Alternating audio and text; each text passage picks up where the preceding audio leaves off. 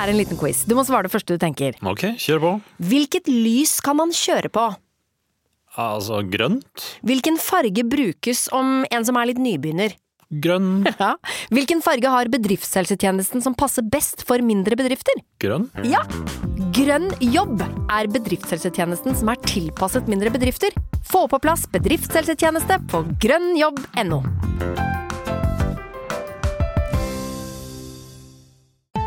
Å drive en bedrift uten regnskapsprogrammet TrippelTex er litt som å piske krem uten miksmaster. Det går jo, men det bare tar masse unødvendig tid. TrippelTex, det fleksible regnskapsprogrammet som forenkler hverdagen for over 100 000 fornøyde kunder. Prøv gratis på TrippelTex.no. I denne ukas episode av Fredrik Gressvik uredigert snakker jeg med USA-ekspert Are Togvold Flaten om at også Donald Trump virker mentalt svekket. Det er jo flere eksempler på det nylig også, der han surrer. Eh, snakker om Obama i stedet for Biden, f.eks. Han er jo ikke det han var, han heller, hvis du ser tilbake på klipp av Trump fra 2015-2016. Gjerne enda lenger tilbake, den gang han var demokrat. Hør Fredrik Gressvik uredigert, gratis der du hører podkast.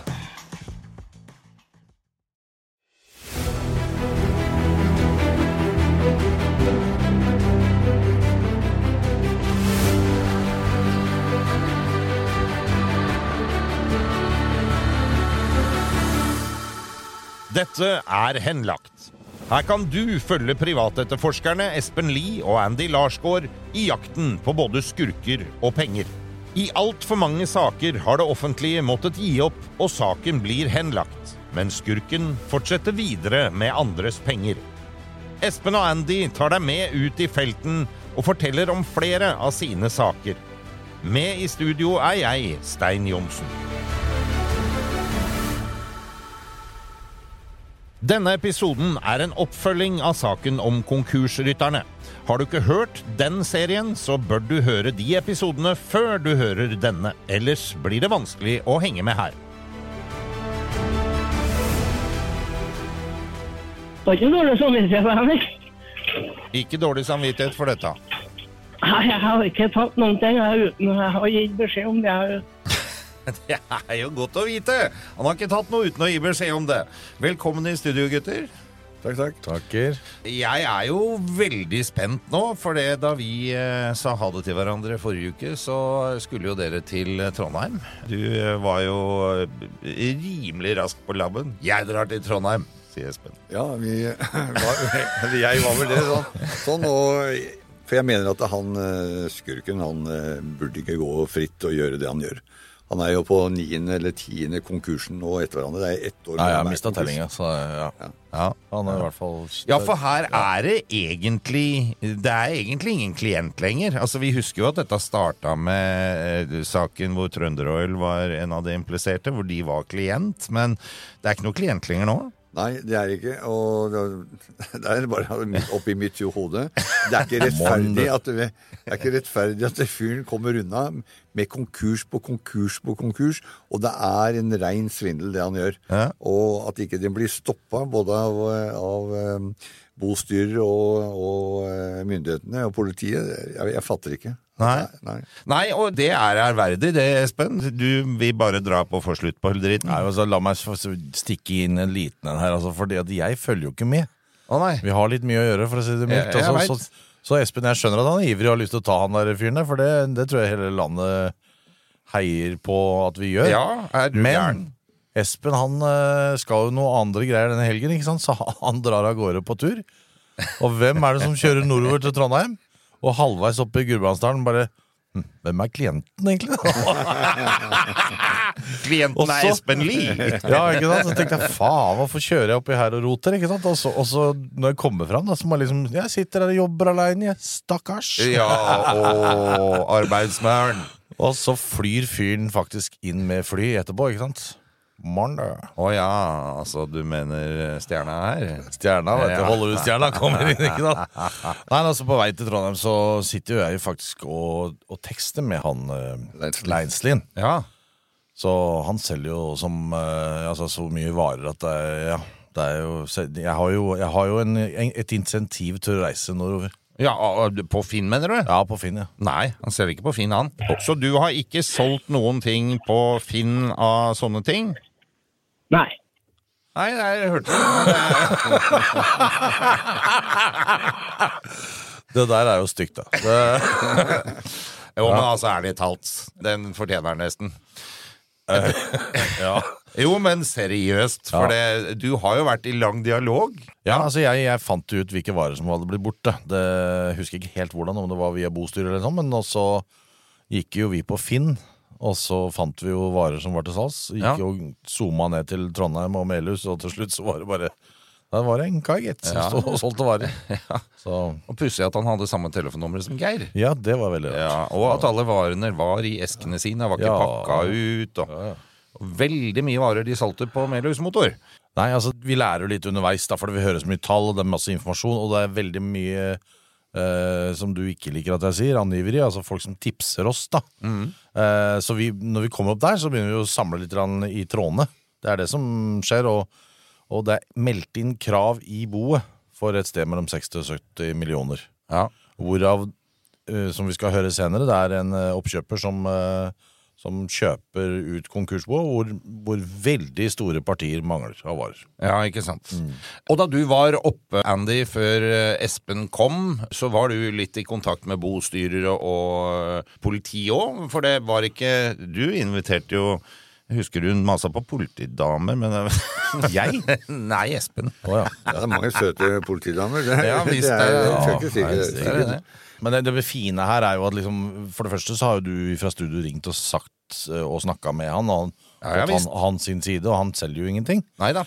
Og på det andre så får Espen og jeg masse informasjon om at han faktisk selger, og vi verifiserer det sjøl. Ja. Så egentlig så Her er det jo informasjon som Masse. politiet trenger. Ja, ja, ja, Altså, det er det vi tenker. At, eh, for vi har jo ingen klient, og vi, vi er jo ikke politi. Vi skal jo ikke arrestere noen, så det får de gjøre sjøl. Ja. Så vi snakker jo både med bostyrer og med politi, og inviterer de til å gjøre eh, Kall det en slags razzia da, mens, mens vi utfører. Fordi vi har kontakt med en, Ja. og har avtalt å overta varer inn på et lager. Og alt dette her som du nå på en måte hadde gjort før eh, Espen kom opp, det måtte jo du ta en eh, liten runde med han på da han ankom eh, Airporten. airporten, luftveien. Ja. Alle, ja. Alle. Jeg, tror det tar, jeg tror det tar eh, Eller det er raskere å kjøre bil til Trondheim enn å ta fly. Ja, jeg har vært her lenge, så du, du tapte. Det er helt riktig. Ja. Så, Sånn er det. Kan man komme seg ut derfra? Det det vet jeg ikke. Det er følge skiltinga, tenker jeg. Ja. Du, nå skal jeg oppdatere deg på ting, vet du. For Ja. jeg bare vet ikke hvor jeg skal begynne. Nei. Det som er litt spesielt, da, vi har jo ikke noen klient her. Ikke sant? I den der tjuverigreiene. tjuveri-greiene. Nei. Det eneste vi prøver å få til, er jo egentlig fordi du blei så irritert Ja. på at han flyr rundt og selger tjuvegods fra det derre Melhus motorkonkursen. At vi er her. Samtidig så får vi han til å selge oss tjuvgods.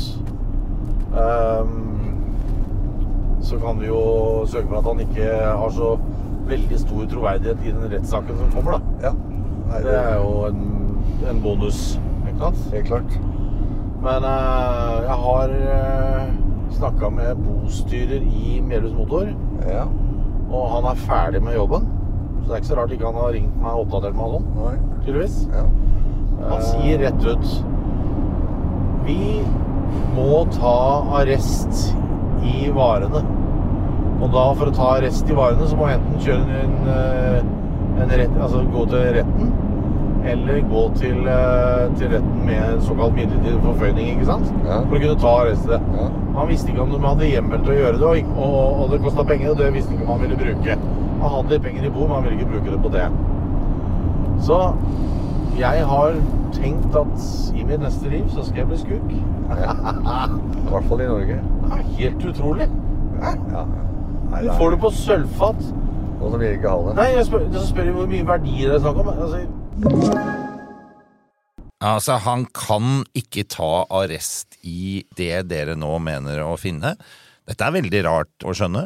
Ja, jeg skjønner ikke, så ikke det er ingen av lytterne som skjønner det, og jeg skjønner jo hva han sier, men altså, det kan jo ikke være sånn. Altså, partiet med varer som Leinstein sitter på, det kommer fra den konkursen. Han er konkursbobestyrer, han bobestyreren jeg snakker med. Ja, ja. Og Og han, han sier at k- saken er avslutta, så det er ikke interessant, liksom? Det er fordi at hvis han skal kreve inn de varene som Leinstein sitter på, beviselig som kommer fra Melhus Motor, Ja, ja. så er det en så stor rettsprosess, at og det kan, det kan hende at retten finner ut at øh, nei, det var ikke helt sikkert at det var derfra. Da må det være veldig god dokumentasjon Ja, på at sannsynligheten er stor at den kommer derfra. ja. Og det er grunnen til at han, han- at han, ikke, at han ikke går videre. Det er jo helt sjokkerende natta, for vi vet jo at Leinsley jobba som transportør. Ja. Sønnen hans jobba på lageret. Altså det er jo bukken og havresekken, eller hva det heter for noe. Jeg er litt der, ja. Jeg er enig i det. Og så var det Det er noe snakk om noe midlertidig forføyning i opplegget her. Hva er midlertidig forføyning, bare sånn at vi har det definert? Det er at hvis du har investert i et eller annet, Ja. og så, er du vei, så skjønner du at den butikken du har investert i, er på vei til å Når de tar ut varer og selger, sånn som her. Driver med noe økonomisk juks, rett og slett. ja, det er det der. Og da Ja. kan du gå til retten, og så kan du få noe som heter midlertidig forføyning. Ja. Det vil da si at de kan ta beslag i de varene som du mener er, eh, er på vei ut. Okay. Om det er dine eller andres, det spiller ingen rolle, men du kan ta beslag i det. Og så kan det bli satt på et lager som de har kontroll på, inntil det kommer en rettssak eller en En endelig rettssak, ikke Ja, sant? Ja. Det var egentlig jævlig bra forklart. Ja. Og, det, og det gjelder også i, i vanlige pengesaker. Og det skjønner jeg, men det som skurrer litt, er jo at dette her virker jo da som Det går jo på bekostning av rettferdighet. da. Det, ja. Det, når, han, når han sier det til meg, så tenker jeg mm, altså, For det første så får du sånn følelse det, det, det kan ikke stemme, det du sier. Ja. Jeg sitter med noe du kan få! Ja, Vær så god. Ikke sant? Her, det, det er tre paller med men, men da sier han at det er, det er så voldsom eh, jobb å få gjennom eh, rettsapparatet. Dessuten har han solgt partiet med varer. Han har solgt dette til en oppkjøper. Ja. Så han vet ikke om det tilhører den, om det er partiet, eller om det er tatt før eller etter konkurs. Eller. Så han må faktisk gjøre en jobb da, for, å få, for å få svar på hva er det Lansley sitter på. Og den risikoen, den tar han ikke. Jeg, altså, jeg, da jeg hørte dette her, så blei jeg både liksom sånn derre jeg, jeg skjønner ikke, jeg forstår ikke. Og så har vi jo tidligere hatt med oss bostyreekspert eh, Nils Holger Kofod fra Ro og Sommernes. Så jeg måtte ringe han jeg, og, og bare si at jeg klarer ikke annet enn å skjønne at dette her er urettferdig. Ja, jeg kan forstå det, men det, det er viktig, altså, og det er synd, for det er veldig mange saker en bostyrer sitter opp med av informasjon i et boer som de ikke kan forfølge fordi det ikke er nok midler i boet til å både dekke boets kostnader, men ikke minst eventuelt motpartens kostnader hvis det blir sak. Hvis det blir en sak og de taper, så må boet dekke motpartens saksomkostninger også. Ja, det er jo hovedregelen i, i vårt system, at hvis man vinner en sak i retten, så, er det jo, må man betale egne og motpartens saksomkostninger. Og hvis ikke da boet har nok midler til å kunne ta den støyten, så, så vil jo da en bostyrer risikere massekonkurs, som det heter. Altså at konkursbo går konkurs. Og det, det vil man jo ikke. Det, Nei, jeg, jeg, jeg skjønner jo det, men allikevel så blir man sittende sånn litt på sidelinjen og tenker ja, men dette blir jo ikke rettferdig. Nei da, nei da. Det er, det er ikke alltid konkurs som er rettferdig. Men, men det en bostyrer da vil gjøre, er punkt én søke midler altså Jeg har hatt flere sånne saker. Og, og sant, hvis man er overbevist nok, så lager man en god redegjørelse til f.eks. da Det er som regel det offentlige som enten har krav på klasse 1-krav, som heter, altså lønnskrav, Ja. eller klasse 2, altså moms og skatt. Og Da skriver man til skatteetaten og sier hei, vi har en sak, sånn og sånn og sånn. Her er bevisene sånn, vi tror vi kan oppnå det. Kan dere være med å garantere for mine kostnader og eventuelt motpartens kostnader, slik at vi kan kjøre saken? Er, er det godt nok og vi får liksom dokumentert det bra, slik at de blir overbevist, så får man de til å garantere. Men eh, det skal være gode nok bevis til at de blir komfortable med å gjøre det. Alternativet er at du får en, altså hvis ikke det er nok klasse 1-krav eller klasse 2-krav, slik at det er uprioriterte krav som skal på dekning, så går du til en uprioritert kreditor og spør. Og noen ganger så får du til det òg. Da forstår jeg jo hvorfor, men dette her må jo være frustrerende for bostyrerne òg. Det er svært frustrerende.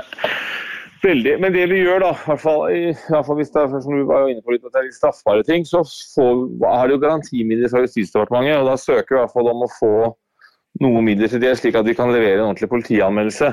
Men ikke sant, igjen, politiet tar heller ikke tak i det hvis ikke de finner åpenbare bevis som sier at saken fører frem. Så det er litt frustrerende at de henlegger for mye. Så det handler det er- egentlig til syvende og sist om ressurser både for dere og for politiet her. Hadde de hatt mer ressurser, så hadde man kommet til bunns i det og fått mer rettferdighet i det. Ja, det er helt riktig. Ok, da, da, da skjønner jeg jo litt mer, men det blir jo ikke eh, Jeg er jo ikke enig. Nei, altså det du ikke er enig i, at ikke det Systemet. blir ja, Ja, ja. ja. Og du er, du er heller ikke enig i at Stortinget bevilger så lite penger at det faktisk blir sånn. Nei. For, det, Nei, for nå- her, nå kan du stjele. Men hvis du skal ta loven og det greiene, er jo bygd opp på det at en fyr går reell konkurs. Ja. Ikke sant? Ja. Som, har, eh, som ikke har fått inn eh, det han har Som ikke har fått- klart ja, det han ja. satt ut for. Ja. Ikke sant? Mm. Og der er jo loven bra. Mm. Men når det blir gjort på en svindel, Ja. Som det har blitt bare mer, mer og mer og mer av, Mm. det er da loven kommer til kort. Derfor burde det vært gjort noe mer med eh, i de tingene der. Ja, for jeg tenker, her er det jo sånn eh, Du snakker om skurkeparadis eh, innimellom, Andy, og man tenker jo at her er loven faktisk nesten enda mer til beskyttelse for skurken enn den er for de som blir utsatt for fanteri. Det er jo ikke bare lovverket, men det er, det er jo altså når, når politiet ber om mer ressurser, så ber de om ressurser til alle mulige formål. ikke sant? Ja, ja, ja. Trafikkpoliti og bla, bla, bla. Det som, Den burde nok vært spissa mot eh, økonomisk kriminalitet. Mm. For det er ikke så veldig dyrt. Eh, det er ikke så mange Espen og meg som skal til før det faktisk blir en, blir en brems på det. da. Mm. Uh, og det burde vært helt klart prioritert, for, fordi som oss Holger sier her, som er ekspert på dette her i, i Norge, det blir henlagt altfor ofte. Mm. Og det er, jo, eh, det er jo til frustrasjon for, for alle våre lyttere som hører på, og vanlige folk i gata. Ja, det, det skjønner jeg. Vi var inne på det så vidt i stad. Politiet. Dere snakka jo om at eh, dere skulle ta kontakt med politiet der oppe. Gjorde dere det? Ja, vi gjorde det. Vi hadde en, eh, eller ikke jeg, men Andy hadde en telefonsamtale med, med politiet. Ja, hvordan, Hvem var det du tok direkte Nei, jeg hadde flere. Jeg hadde jo, hadde først med, med Altså, jeg fikk et telefonnummer fra bostyrer. Ja. Og det er da en eh, såkalt bokoordinator hos politiet. Som, eh, som har kunnskap innenfor eh, Hva er en er En bokoordinator? bokoordinator er den som skal koordinere jobben til politiet med, med det bostyret gjør. For det er, det er veldig tekniske altså, spørsmål og, og svar holdt, i dette her, med regnskapstall og sånn. og det er ikke nødvendigvis alt en politimann kan innenfor regnskap. Det er, også det forstår jeg. Mm. Men, eh, men han eh, ville ikke ta noe avgjørelse på noe, så han sendte meg videre opp til toppen i huset der og, for å få noen å snakke med. For eh, vi fortalte at vi var på vei ut til, eh, til Melhus. Mm. ja. Er det noe dere eh, gjør innimellom når, dere, når du er på oppdrag? At du gir beskjed til politiet om hva dere holder på med? Nei, i utgangspunktet så gjør vi jo ikke det. Nei. Eh, fordi vi har ikke, eh, vi, har ikke det behovet. Eh, Men, men her så så vi jo Altså, vi har ingen klient. Mm.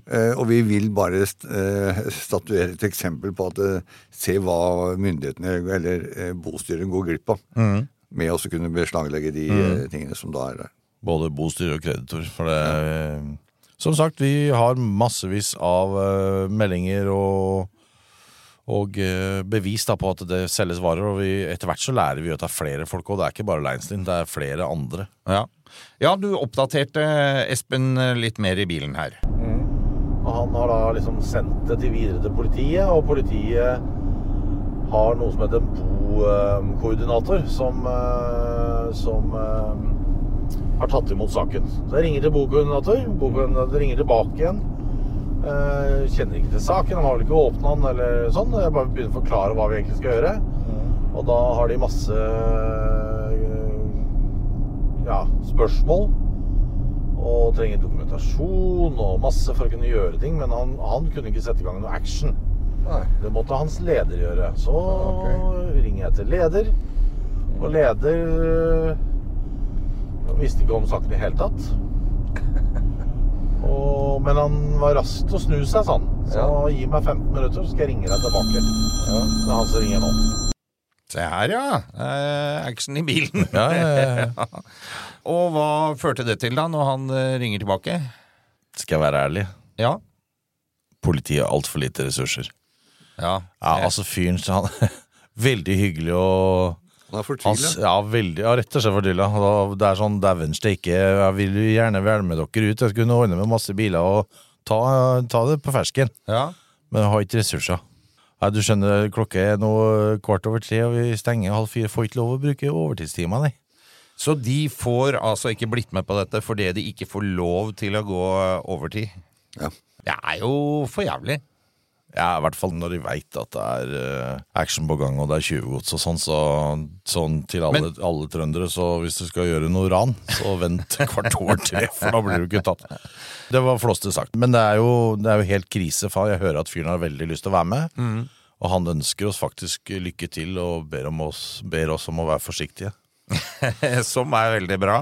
Men uh, flira også da du spurte om uh, det var som å ringe etter forsterkninger, liksom. Og han eh, gjorde det veldig klart at dere, dere opptrer ikke på vegne av politiet. Ja, jeg spurte vel han var- For det blei sånn manpower-forespørsel. Jeg trenger mer folk. Men det er jo tydelig at eh, dere har vært åpne med hva dere skal. De veit hvor dere skal, hvem dere skal møte.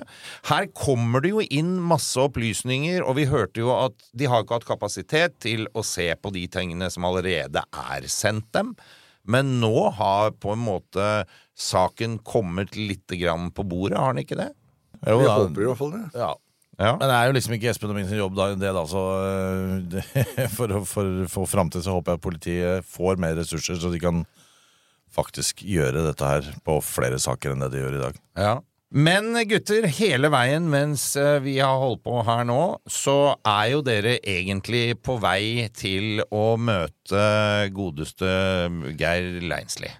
Og han sitter jo og venter på noen som skal komme og kjøpe en ovn. Så da blir det litt sånn rådslaging i bilen på hvordan dere griper an dette. Det som skjedde skjønner du, i dag tidlig, var at han der Leinslin Han har jo hele tida holdt meg varm. og Kommer du og henter risevarmeren og jeg er redd for at jeg slipper unna, ikke sant? Ja, ja, ja. Og så avtalte vi klokka tolv, men så sender han en mail til meg rett før tolv at han ikke rekker det. Og Han lurer på om han kommer komme klokka ett. Og da sier jeg det klarer jeg ikke, så da må det bli mellom tre og fire en gang, skriver jeg. Okay. Og da skriver han OK. Ja. Men han har fått en ny adresse. Det er på der hvor bilene sto. Yes. Ja. Jeg syns det var jævlig rart at han hadde sendt det med adressa hjem til seg sjøl. Først var det hjem til seg sjøl, og Ja. så Det er han som skriver, ikke jeg. ja. Og så i dag så skriver han at det skal til den gamle Nidaros Frakt-adressen, ikke sant? Ja. Og Nidaros Frakt-adressen, den har jo blitt leid bort til et firma som heter Melhus Motor. Skjønner du det? Ja. Suppe. Det er suppe så det holder. Det er helt sinnssykt. Ja. Så nå drar vi rett dit uten polisen. Ja. Vi har med oss både en og andre her av utstyr, så det skal bare dokumenteres. Ja. Og så foreslår jeg at vi tar en sit-down med Leinslin. Han prøver sikkert å vri seg unna og alt det der man pleier, han pleier å si. God planlegging eh, må til før dere skal møte fyren. Jeg skjønner jo at man liksom tenker hvordan skal man gripe an dette her, for dere veit jo ikke egentlig hva som møter dere. Er han aleine? Er det mange folk? Er det fullt av ting? Ja, jeg må bare presisere en ting på det opptaket du akkurat hørte nå. Så det utstyret vi har med, det er ikke AK-47 og Colt og Magnum og Det er Det er faktisk. Ja, det er det. der. Så Ja. Vi driver og kler på hverandre vet du, med sånne små mikrofoner og mygger og kameraer og alt Og mulig. da så- er dere så søte. Ja. Ja, ja. Ja, Men så skal vi da faktisk Da kommer vi fram til adressen, og den er kjent fra før, den adressen der. Ja, det skjønte jeg jo, for det er eh, der hvor Nidaros frakt holdt til før. holdt til før. Yes. Ja. Og her har det vært drevet og kjørt frakt fram og tilbake og eh, Nei, det er ikke bra. det, er, det er vel. Nei, Er det ikke Leinslien som har kjørt den frakta òg, tror du? Jeg tror at du er inne på noe. Ja, ja, Men du kan jo ringe inn og høre. Jeg veit ikke helt jeg om vi eh, skal gjøre det akkurat nå. Jeg har jeg prata med en forrige uke. Det får eh, greie seg enn så lenge. Men neste uke, i hvert fall. Ja, Så For- får dere være med Espen. ja for dere, dere traff den. Det kan vi røpe. Eh, altså, ja, det gjorde vi. Og Espen og jeg eh, har en, eh, en god historie å fortelle. med Geir Leinsli. Så eh, da tror jeg rett og slett vi bare runder av der, og ønsker velkommen tilbake om en uke. Takk skal dere ha, gutter. Denne podkasten er produsert av Big Dog Media for Henlagt AS. Redaksjonelt ansvarlig for denne episoden er Gustav Jansen. Produsent Stein Johnsen. Alle navngitte parter har blitt gitt mulighet til å uttale seg.